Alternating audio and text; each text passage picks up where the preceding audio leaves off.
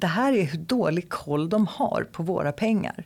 Att de gör så mycket fel att när de gör rättelser så blir det skillnader på en miljard.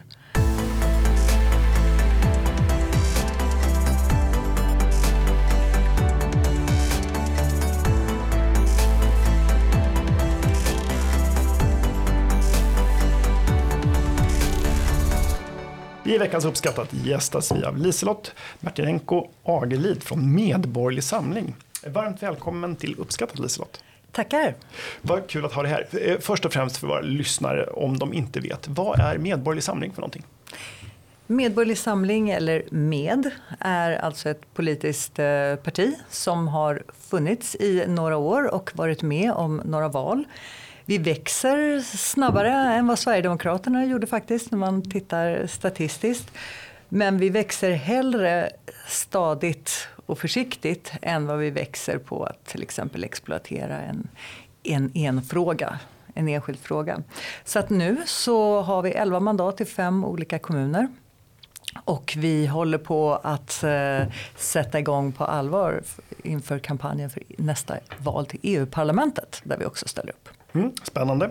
Eh, och hur står ni på den politiska skalan?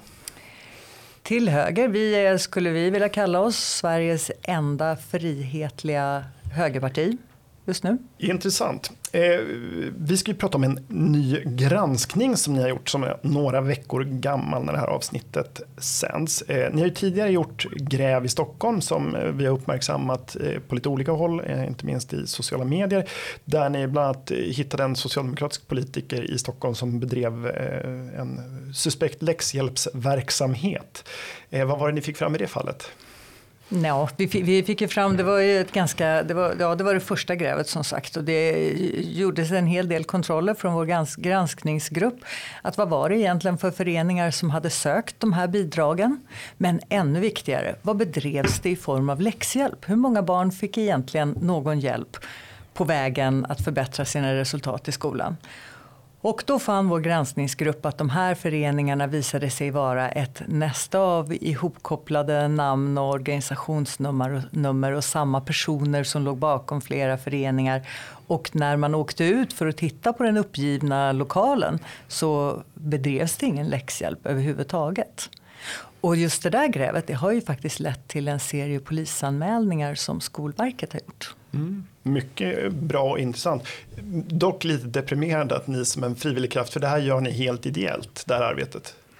Ja, alltså det, det som är så, folk frågar, hur kan er granskningsgrupp, eh, hur får ni all den här informationen, vad har ni tillgång till för resurser? Nej men alltså, vi googlar som alla andra. Och granskningsgruppen har ju då möjlighet att sätta sig på tunnelbanan som det var i det här fallet, åka ut till en uppgiven adress, knacka på och se om det finns en lokal där överhuvudtaget. Och det är ju någonting som stadens revisorer skulle kunna göra också. Men eh, det verkar inte ingå i deras rutiner. Det är ju rätt deppigt att ni på fritiden gör sånt som man kan tycka att en, en, en revisor borde göra.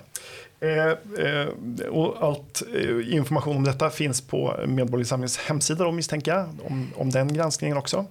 Det gör det och det finns länkar för det var ju ganska uppmärksammat mm. i olika media så att jag är säker på att det finns länkar på vår, på vår hemsida. Ni kan få några också. Ja, gott. Det är bra att titta i och vara rätt. Jag tyckte att det var en riktig ögonöppnare. Jag hade anat att det var illa i den här eh, läxhjälpsvärlden men att det var så illa som ni illustrerade var rätt deprimerande. Eh, eh I den, den nu aktuella granskningen så har Medborgerlig Samling då överlämnat överlämnat ett utredningsmaterial till Stockholms stads revisorer. Av det här materialet framgår att stadens exploateringsnämnd har anvisat mark för mångmiljonbelopp till organisationer som i ett fall kontrolleras av Saudiarabien och i ett annat styrs av grovt kriminella och i ett tredje styrs av bidragsfuskare. Eh, det här är minst sagt anmärkningsvärda resultat. Eh, kan du fördjupa lite, vad är det ni har hittat? Ja, jag kan ju börja med att eh, varför vi överhuvudtaget började titta på det här. Mm. Så var det så att vår granskningsgrupp får ju emellanåt in tips och det vill vi gärna ha också på saker som behöver tittas närmare på. Och fick då in tips om olika markanvisningar som har skett. Och då är det ju så att Stockholms stads exploateringsnämnd är ju då som har ansvar för markanvisningar och bestämma vad saker ska, ska användas till. Stockholms stads mark, det är väl förmodligen det mest värdefulla tillgångar som Stockholms stad har. Vet ju, vet ju vi som bor i Stockholm mm. hur, hur värdefull varje kvadratmeter ska vara. Och vi vill ju naturligtvis att eh, staden och staten ska vara lika försiktig med våra pengar som vi själva måste vara med våra pengar.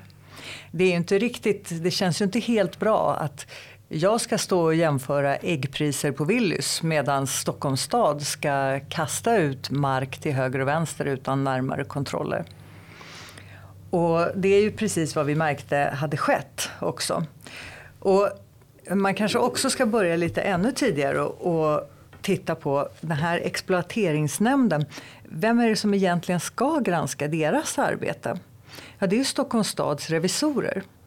Och då skulle man ju kunna tro att Stockholms stad har professionella revisorer, att de anlitar någon av de stora välrenommerade revisionsbyråerna som kan det här med siffror och grejer och följa regler. Men det anser man inte att man behöver, för det visar sig att det finns ju inga lagar som säger att det är nödvändigt att ha externa revisorer i kommuner. Och det tycker man är en bra ordning uppenbarligen, så man vill inte frivilligt göra det heller, utan man har interna revisorer. Och interna revisorer har ju den nackdelen att de kommer ju egentligen när de rekryteras från samma grupp av människor som politiker och tjänstemän i allmänhet. Ett så stort land har vi ju tyvärr inte och inte så stor stad heller. Så att i värsta fall så blir ju då revisorerna sådana som ska granska sina egna vänner och kollegor eller före detta kollegor. Och eftersom resultatet av eh, en, en, politik kan ju, kan ju uppenbara sig först flera år senare så i värsta fall kanske de granskar sina egna beslut och resultatet, utfallet av dem. Så det är ju inte riktigt bra. Men när man tittar på de senaste årsrapporterna, den jag har framför mig nu, det är då årsrapporten för 2022, att de har reviderat exploateringsnämndens verksamhet under 2022. Då ser man att år efter år så har då just den här exploateringsnämnden fått ganska allvarlig kritik. Så det är bra mm. att de i varje fall kritiserar varandra. Och de är ganska precisa i sin kritik ändå. Därför att de talar om att nej men, ni har ju inte haft riktigt koll när ni har skött de här markanvisningarna. Ni har inte redovisat hur de här besluten egentligen har gått till. Vi har inte sett att ni har gjort någon eh, efterforskning av vilka är era avtalsparter i det här. Är det verkligen byggherrar som har finansiering och kunskap, kompetens och kapacitet att överhuvudtaget verkställa de här stora byggena, konstruktionerna som det är frågan om. Det har man inte kollat. Och så har de berättat för exploateringsnämnden att nej, men, det här måste vara noga kontrollerat och det räcker inte att det har varit kontrollerat en gång utan inför varje projekt så måste man göra en ny bedömning av de här avtalsparterna och det har inte gjorts då. Hej, och då ska ju då exploateringsnämnden försvara sig och då försvarar de sig och säger att Nå, men det har varit så stressigt här på jobbet. Vi har, vi har haft stor personalomsättning, vi har inte hunnit eh, få på plats nya rutiner. Ja, vi vet hur det brukar låta. Mm. Men det blir säkert bättre framöver. Det har det inte blivit. År efter år, samma sak. Och år efter år så rekommenderar ändå revisorerna ansvarsfrihet. Och om man ska vara helt ärlig, de har väl heller inga egentliga sanktionsmöjligheter annat än att, då säga, att rekommendera att man inte ska få ansvarsfrihet. Nej men det är väl ändå ganska tungt om de ja. ändå skulle använda sig av det. Men det gör de men, inte. Men samma fel uppstår år efter år. Ja. Och de beviljas och de föreslås och får ansvarsfrihet trots det. Ja, så är det. Och de säger också, det, det, är mycket som är då dels det här med markanvisningar men det handlar ju också om att man inte har skött sin redovisning. Det är mång, mång miljonbelopp som hanteras av den här exploateringsnämnden. Och senaste redovisningen då här, revisionen, så säger revisorerna att ja, men bara årets rättningar avseende kostnader kopplade till investeringar har haft påverkan på det ekonomiska resultatet. Och man säger att det då har skett fel som har varit, de har varit tvungna att rätta som uppgår till över en miljard. Och då undrar man, jag vet inte, jag, jag, säger inte att det här skulle betyda att en miljard skulle vara försvunna eller någonting sånt. Jag säger bara att det här är hur dålig koll de har på våra pengar. Att de gör så mycket fel att när de gör rättelser så blir det skillnader på en miljard. Och då förstår man hur svårt det måste vara att granska vad den här nämnden egentligen gör. Och det kan inte ens revisorerna och ännu mindre medborgarna om det får skötas på det här viset. Men ändå så trots att revisorerna säger det här resultatet ger därför inte en rättvisande bild av årets verksamhet. Ändå ansvarsfrihet. Eller ska vi prata om tjänstemannaansvar?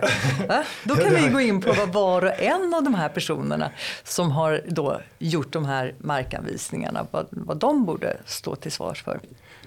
Men det har vi ju inte i Sverige, även om det nu ska utredas eh, har ju regeringen sagt. Det utreddes ju under förra mandatperioden mm. och då landade man i till slut eh, att den dåvarande majoriteten tyckte att det här inte behövdes så att det var jobbigt nog för tjänstemännen som det var. Eh, men det är ju mycket anmärkningsvärt. Det här är ju två återkommande käpphästar från oss. Alltså en, en förstärkt kommunallag, en mycket tydligare revision och ett återinfört tjänstemannaansvar. Alltså mm. att bedriva verksamhet då som handlar om mångmiljardklassen eh, om du driver en enskild firma har du tydliga ja. revisionskrav på dig. Alltså även om du bara omsätter eh, några hundratusen så har du revisionskrav och som i värsta fall kan, kan göra att du skakar galler om du, om du bryter mot dem. Och här har vi alltså kommuner som hanterar mångmiljardbelopp som faktiskt inte har några tydliga krav på att revisionen ska göras på ett professionellt sätt. Det är rätt upprörande. Ja, och det, det, behöver faktiskt bli ändring på det. Därför att det måste gå att följa vilka beslut som har fattats och hur.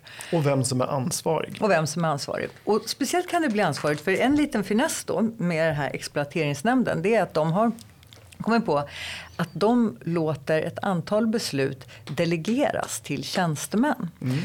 Och då handlar det om beslut naturligtvis som bara rör kaffepengar. För allt under 10 miljoner menar man, det kan fattas av enskilda tjänstemän och behöver inte tas upp i exploateringsnämnden.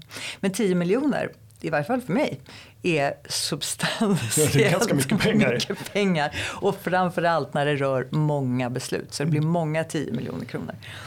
Och sen är det meningen att det här ska anmälas till nämnden i efterhand.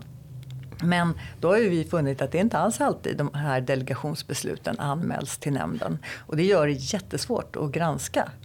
Och det gör också att det på något sätt späds ut det här ansvaret. För att om man har ett ansvar för själva beslutet då är det viktigt och då finns det regelverk som ska följas. Men om man bryter mot den här lilla regeln att, det ska anmäla, att det här beslutet ska anmälas inom viss tid till nämnden. Ja, det är mer liksom eh, adminproblem. problem att mm. det gick inte vidare då, det var inte med på den här dagordningen. Det, var inte, så att det är ingenting som ådrar sig någon egentlig uppmärksamhet utan det bara sjunker undan. Och det är samma sak som också kommer visa om vi pratar lite mer sen om de här, just de här markanvisningarna som vi har granskat lite djupare. Då ser man ju att det finns massa sådana som också ses som administrativa regler tror jag, eller det ser ut som om de behandlas som det.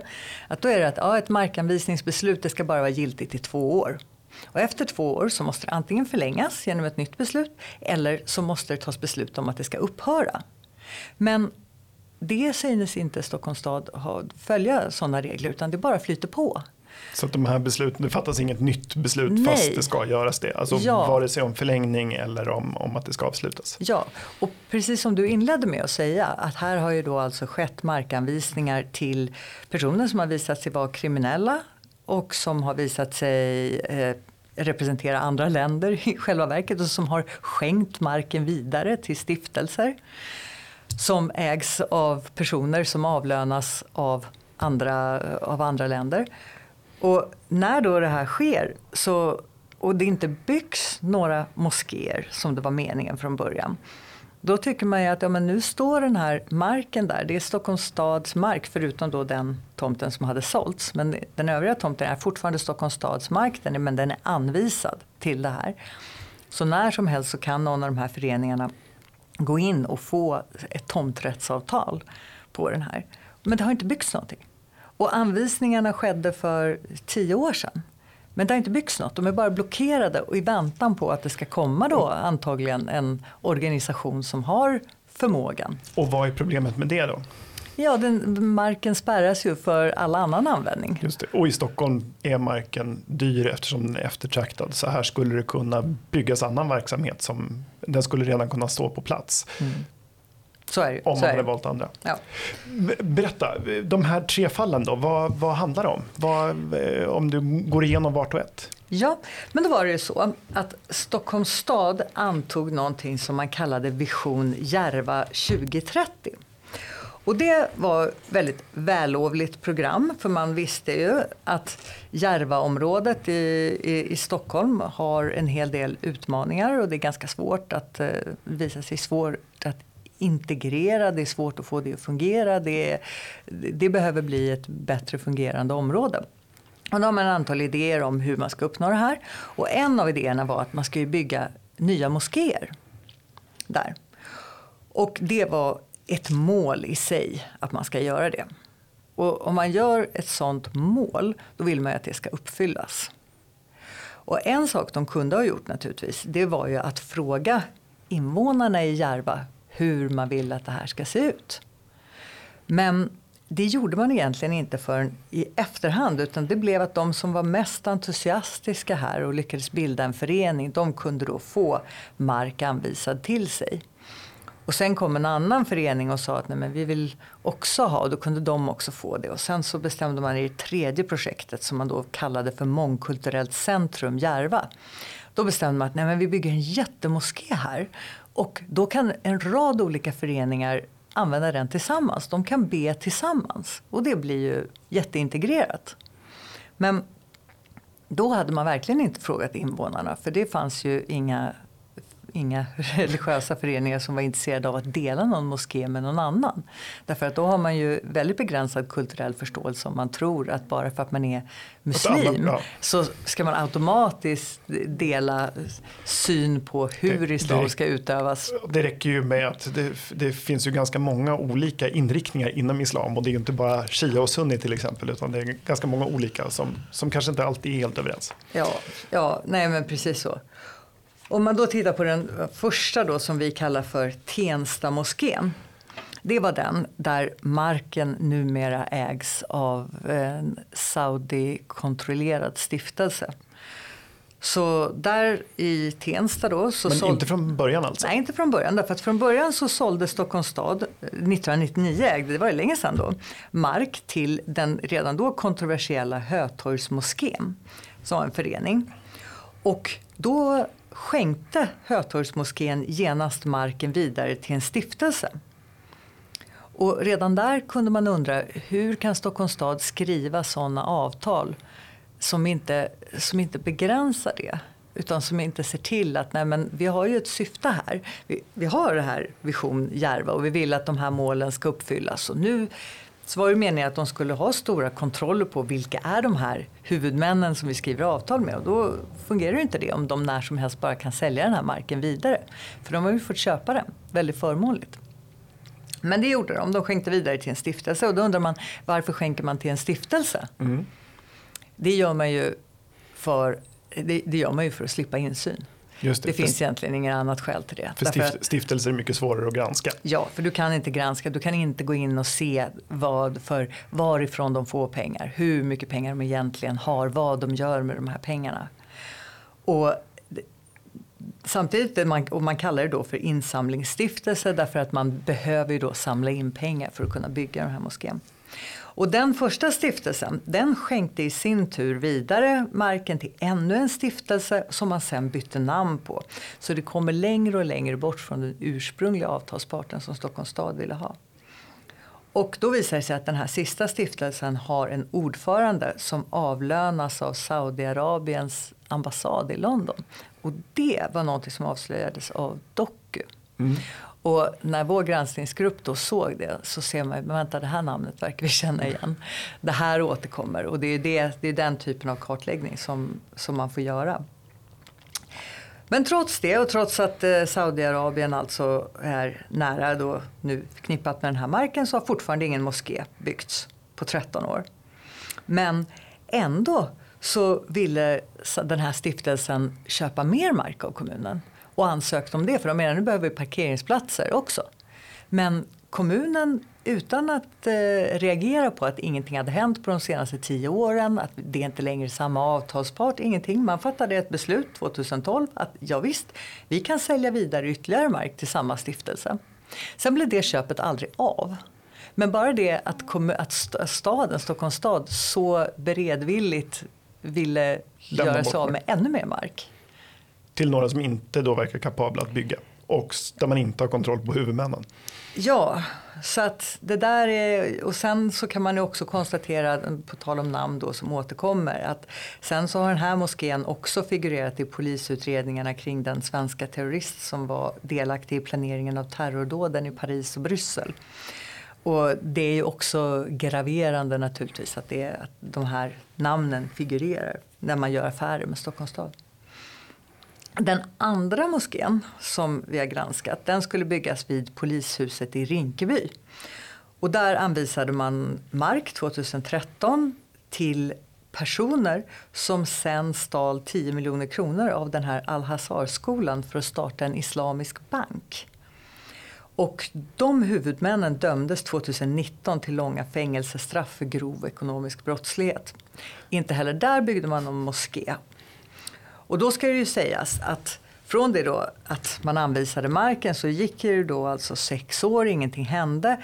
Tills dess att han dömdes då, den här, de här huvudmännen till fängelsestraff.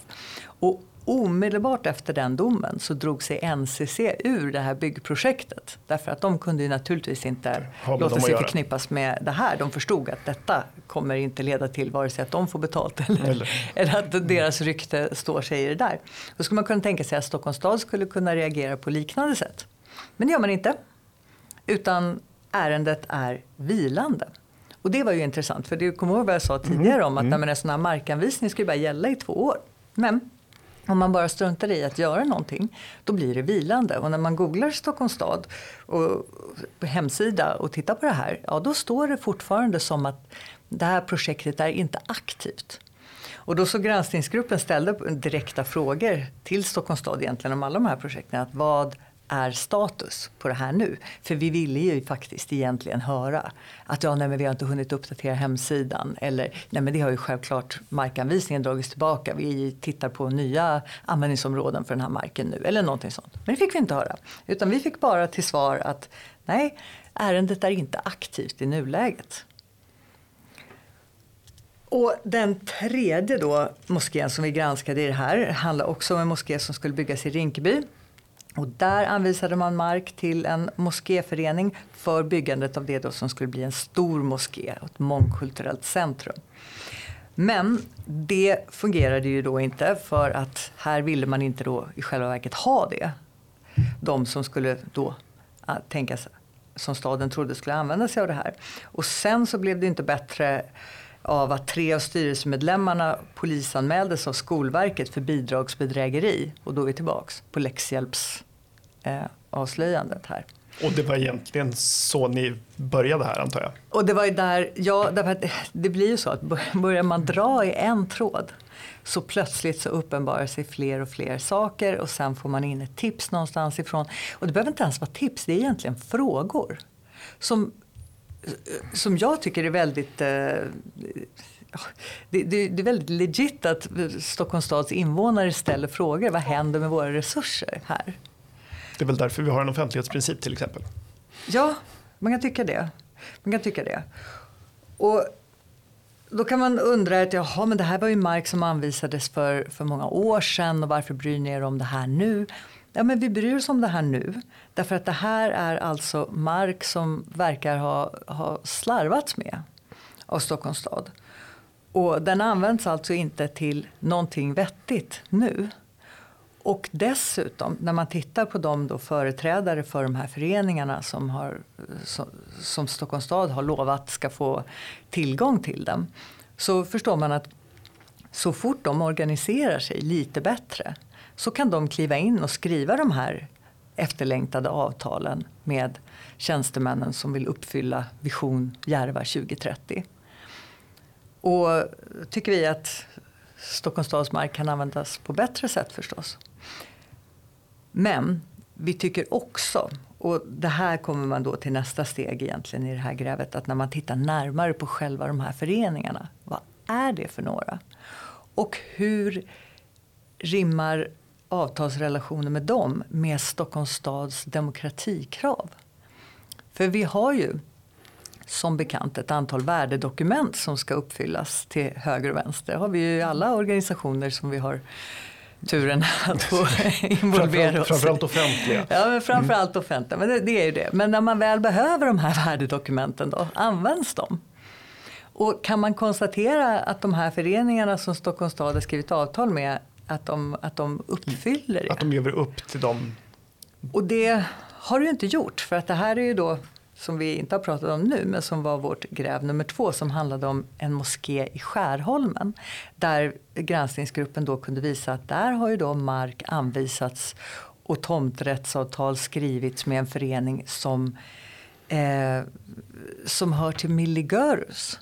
Som och ju liksom förklara vad är Miligörus för någonting? Miligörus är nära, nära, de är islamister helt enkelt och nära förbundna med Muslimska brödraskapet. Miligörus är ju, är en organisation som bland annat tyska säkerhetstjänsten har velat terrorstämpla länge. Och det var ju anledning, samröre med dem och med Grå vargarna och så. Det var ju anledningen till att Mehmet Kaplan tvingades bort i tiden. Så det här är inte organisationer som man vill ha med att det, göra. Det in, in, I en vettig värdegrund, om några sådana finns, så borde den här typen av organisationer inte komma i fråga för Nej. den här typen av markanvisningar.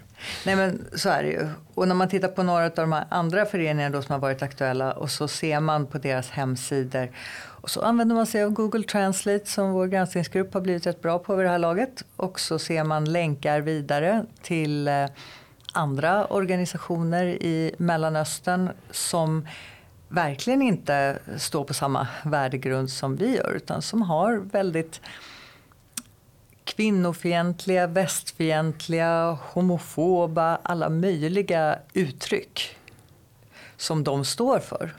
Och där de aktivt skriver att de är ja, de vill bekämpa västvärlden, de vill att det ska bli eh, ja, sharia-lagar ska råda och så vidare. Så att, det är inte åsikter som vilka som helst utan det är faktiskt åsikter som, som eh, de får utrymme, det skakar ju våra, våra grundvärderingar. Och det är ju åsikter man får ha men det är ju inte nödvändigtvis så att våra skattepengar ska gå till att gynna den typen av intressen kan man väl säga. Precis man, får odemokratiska värderingar men ja. det kanske inte är så att vi behöver eh, kommunala bidrag eller, eller markanvisningar för att understödja den typen av verksamhet. Nej, så är det ju. Så är det ju. Och jag kan ju berätta en grej, det här är ju inte en, det här är inte en, det är inte en kul grej men det, det, visar ju också på bristen på kontroll.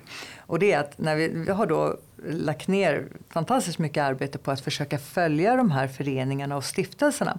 Och i ett land som Sverige så är det oftast väldigt enkelt mm. därför att vi har ju nämligen organisationsnummer. Just. Och personnummer för den delen. Vi vet ju själva, du och jag, att det går ju knappt att gå utanför huset utan att man är beväpnad med sitt personnummer.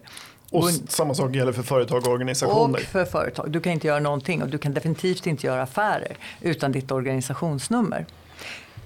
Men det går bra att göra affärer med Stockholms stad om stora, eh, stora belopp och avsevärda delar av, Stockholms stads mark. Det går bra att göra utan organisationsnummer. För när vi försöker följa då det här och så frågar vi Stockholms stad, men till vilken förening var ni anvisade den här marken? Ja, säger de, den, ehm, den heter så här. Men när man går in och söker på det namnet då finns det inget organisationsnummer kopplat till det namnet. Men det fanns tre, det var ett fall då, så fanns tre andra föreningar med snarlika namn. Och då går man in och tittar och så ser man, vad är det för föreningar då? Och sen så ser man en organisation med ett namn som har två, eh, som har två olika organisationsnummer. Men det går till samma adress och samma personer men det har två olika namn. Eller det har ett och samma namn och två organisationsnummer. Och så frågar vi Bolagsverket att men hur ska det det måste ha blivit något fel här. Man får ju inte ha samma Naturligtvis får man inte ha, det vet alla som har försökt bilda bolag. Ja, ja, ja. Alltså jag kan inte ha ett företag som heter Volvo med ett annat organisationsnummer av lätt insedda skäl. Nej, det kan du inte. Och har du ett, försöker du hitta på ett namn som ens en gång påminner om någonting annat, då är du tvungen att lägga till i Stockholm, i AB. det här, mm. AB, och mm. ditt eget namn och allt vad det är för att det verkligen ska gå att särskilja. För ja. det är viktigt med ordning och reda i ja. bolagsregister. Men det var inte det och, i det här fallet. Och det är ju också för att du som motpart i till exempel om du gör affärer med en sån organisation eller ett sånt företag inte ska vilseledas och tro att mitt bolag är riktiga Volvo. Ja, precis. Ja, men, ja, men precis. Och det, det är också så grundläggande. Naturligtvis måste du veta vem din avtalspart är. Men i det här fallet så kunde Stockholms stad inte svara på frågan om vilka är era avtalsparter. Och sen när man gick in och de här sen skänker marken, som det i det här fallet du berättade om i Tensta, till en stiftelse. Då tänker man att okej, okay, men stiftelser, där finns det. Är det något det finns som stiftelser så är det stränga regler för hur man ska kunna ändra namn eller syfte eller något. I princip kan du inte det. Därför att ska du ändra namn på en stiftelse då måste du ansöka om särskilt tillstånd hos Länsstyrelsen. Jättesvårt, du måste ha mm. otroligt goda skäl för det. Så att den här stiftelsen då som vill ändra namn de försöker göra det och de ansöker hos Länsstyrelsen. Och Länsstyrelsen säger nej. Och Länsstyrelsen säger till och med, de skräder inte orden, vi begärde ut det beslutet. Och så står det så här att föreningen förbjuds att använda det föreslagna namnet. Ganska och tydligt. Vad, ja, stiftelsen. Och vad gör stiftelsen då? Jo, de anmäler namnändringen till Bolagsverket helt ohejdat av att de har fått nej av Länsstyrelsen. Och skickar in sitt lilla stiftelseprotokoll och säger att japp, vi har ändrat namn till det här. Och Bolagsverket registrerar. Och då frågar man sig, men vad, tjänstemännen på Bolagsverket bör väl rimligtvis veta att de borde begära in ett beslut från Länsstyrelsen om det här. kan man tycka. Men det har man inte gjort. Och då undrar man varför, varför bryr vi oss om det här? Vad spelar det för roll? Jo men det spelar ju roll därför att det betyder att vi kan inte på ett betryggande sätt följa vad som händer med Stockholms stads resurser här. Vi kan inte följa med vilka organisationer Stockholms stad har träffat avtal och kan komma att träffa fortsatta avtal. Därför att de har gjort det jättesvårt att följa, följa deras verksamhet. Och det får inte gå till på det här viset och det får inte vara slarv.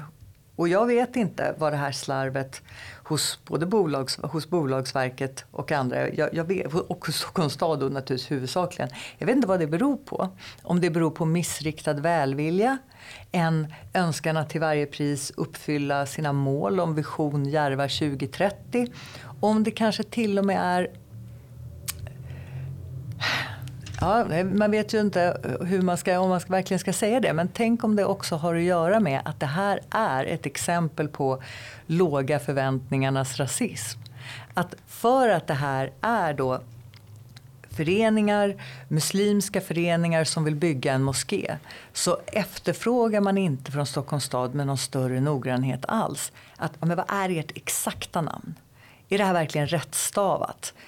Vad är det för organisationsnummer? Vilka är företrädarna? Bor de verkligen på den här adressen? För de är också skriven på den där adressen. Så det sker inga, verkar inte ske några sådana följdfrågor. Och då vet man ju om man har varit i närheten av att driva till exempel ett bolag hur noggranna sådana kontroller är då. Då kommer man ju inte undan. Nej, och, och det ska man inte. Nej. Och jag vill inte heller komma undan. Ingen nej, ska komma nej. undan. Det ska, vara, det ska vara ordning och reda här. Har ni, fått några, har ni fått några svar som indikerar vad det kan bero på? För det du säger nu är ju eh, en gissning om vad det kan bero på. Har ni fått, eh, har ni fått vatten på någon av kvarnarna? Men du, du vet ju vad svaret blir. För att det vi gjorde var ju, vi har ju samlat de här, du har ju sett eh, vårt granskningsmaterial som vi samlade ihop. Vi var ändå ja. lite uppmuntrade av att Stockholms stads revisorer ändå har uppmärksammat att det finns bristande rutiner ja. och bristande kontroll här på exploateringsnämnden. Så vi tänkte vi ska hjälpa dem. Så vi samlade ihop vårt material mycket organiserat och så åkte vi över till eh, Stockholms stads revisorer och så lämnade vi över materialet till dem till deras ja, kommande granskningar mm. så att de skulle mm. kunna se lite mer exakt vad de kan eh, gräva, i. gräva i. Men då fick vi ett svar från dem idag. Oh, faktiskt. Spännande och idag ja. är alltså en, en, en vecka sedan när det här avsnittet sänds. Just det, just det, precis. Och då skriver man mycket formellt men ändå undertecknat av statsrevisorn att man tackar för detta. Och sen så har vi ju vid det här laget blivit ganska bekanta med vissa punkter som alla svar som man får från myndigheter och offentlighet innehåller. Mm. Man kan skriva dem själv lite. För det, och det finns ju i det här svaret också. Och det brukar börja med att vi diskuterar inte enskilda fall. Nej, just det. det, ja, det, så, check, så är det, har vi här. Statsrevisionen utreder inte enskilda ärenden. Nej. Nej bort med det. Och, varför inte då kan man fråga sig. Var, ja. Varför inte då? Ja, det är en bra fråga. För att det här är liksom inte ett känsligt patientärende någonstans där man kan tycka att man ska skydda någons eh, identitet och uppgifter. Det är inte integritets Nej, det, det är ju inte det. Utan de säger bara nej, vi utreder inte enskilda ärenden.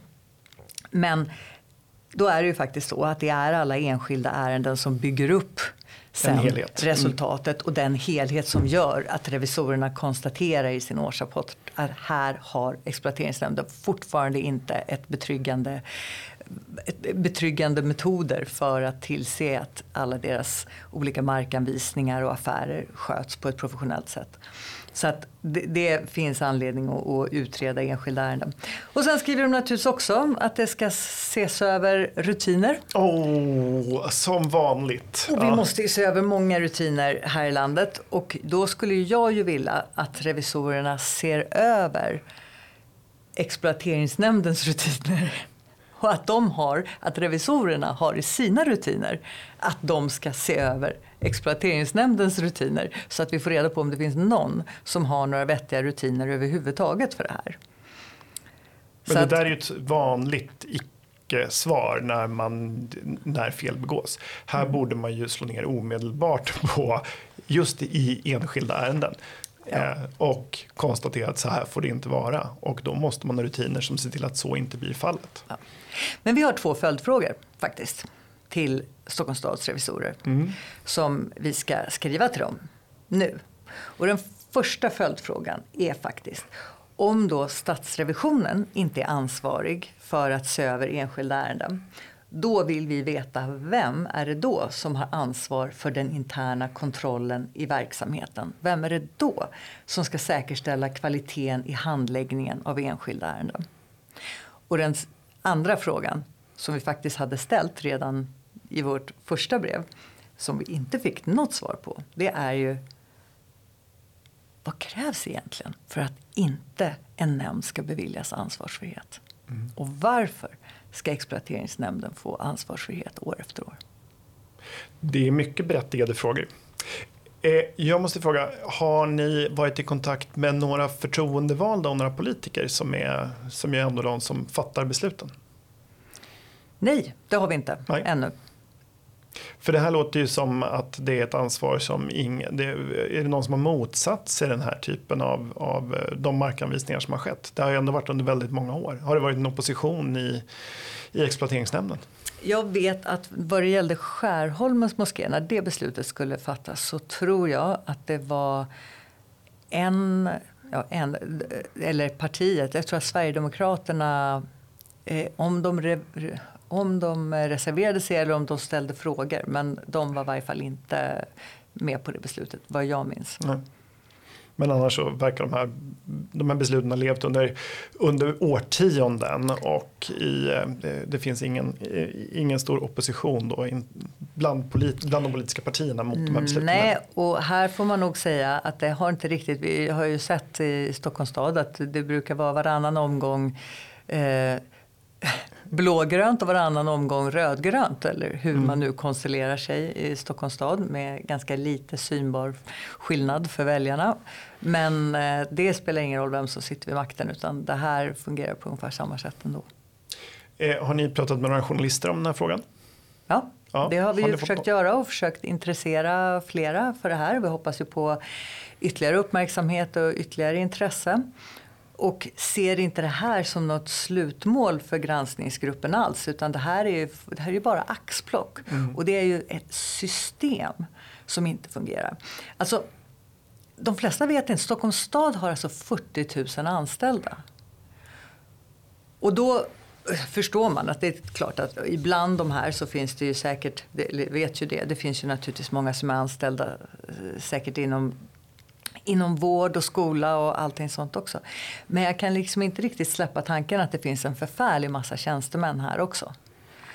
Och det måste finnas en bättre organisation när man har så fantastiskt mycket resurser. resurser som och en möjlighet att utkräva att ansvar ja. som medborgare. Därför att det här låter ju helt uppåt väggarna. Ja, det behövs. Det behövs lite ordning och reda och det behövs att när vi alla ska förhandla våra bolåneräntor och allt vad vi ska göra för att se över våra kostnader och våra rutiner hemma så vill vi att staden och staten gör detsamma. Mm. Och de ska ägna sig, tycker Medborgerlig Samling, åt sina kärnuppgifter och göra dem riktigt bra. Där vill vi att Sverige och Stockholm ska vara i världsklass. Men man ska inte ägna sig åt allt möjligt annat. Och det då man utför, genomför, det ska man göra på ett så bra och effektivt sätt som möjligt. Rätt saker ska göras och på rätt sätt helt enkelt som vi brukar säga. ja. Eh, eh, stort tack Liselott eh, för att du kom hit idag och stort tack för att ni har gjort den här granskningen. Jag tycker att det är, det är ett imponerande arbete ni har gjort med bara frivilliga resurser och det är deprimerande att staden med sina resurser låter sånt här slippa igenom Eh, och som ni har upptäckt på er egen fritid. Jag tycker att det är eh, all heder åt er men, men eh, Stockholms stad borde verkligen skämmas. Jag, hade jag varit tjänsteman där hade jag tyckt att det här var inte bara genant utan jag hade haft ganska ont i magen. Men vi får väl hoppas att det sker räfst och rättarting. Eh, mycket glädjande att fler också tar sig an slöserifrågan på, på, som, precis som vi gör. Eh, mycket glädjande. Mm. Stort tack för din tid och för en fantastisk granskning Liselott. Ja, men Tack, kul att vara här. Eh, och om man vill läsa mer om det här, hur går man tillväga då? Ja, men då tycker jag att man kan följa Medborgerlig Samling naturligtvis på sociala medier. Och man, då, då kommer man ju också att bli länkad vidare till vår hemsida. Och det går mycket bra att ta kontakt med någon av Medborgerlig Samlings representanter också om man vill engagera sig och delta i det här. Mm. Och materialet som ni har kommit fram till, det finns eh, lätt att se på er hemsida eller i alla fall en sammanfattning? Ja, hela vår, sammanfattningar finns med hela granskningsmaterialet. Det, det innehåller lite för mycket detaljer och det, det. Är, får, kan ni få publicera om ni vill. Tack, och det, och det, är, det är omfattande. Jag har, jag har tittat på det själv. Det är ja. ett, eh, som sagt ett gediget bra arbete. Eh, tack så mycket för att du kom hit idag Iselot. Okay. Tack. Eh, uppskattat, det är en podcast från Skattebetalarnas förening. Vi arbetar för låga och rättvisa skatter, rättssäkerhet för skattskyldiga och minskat slöseri med skattepengar. Vi bildar opinion och folkbildar i skattefrågan och vi lever som vi lär tar bara emot frivilliga bidrag. Uppskattar du podden så kan du gärna ge oss ett gott betyg i din app och vill du medverka till att Sverige blir ett land med minskat slöseri och rimligare skatter så stödjer du oss enklast genom att bli medlem. Läs mer och bli medlem på www.skattebetalarna.se bli medlem. Till nästa vecka, ha det så bra!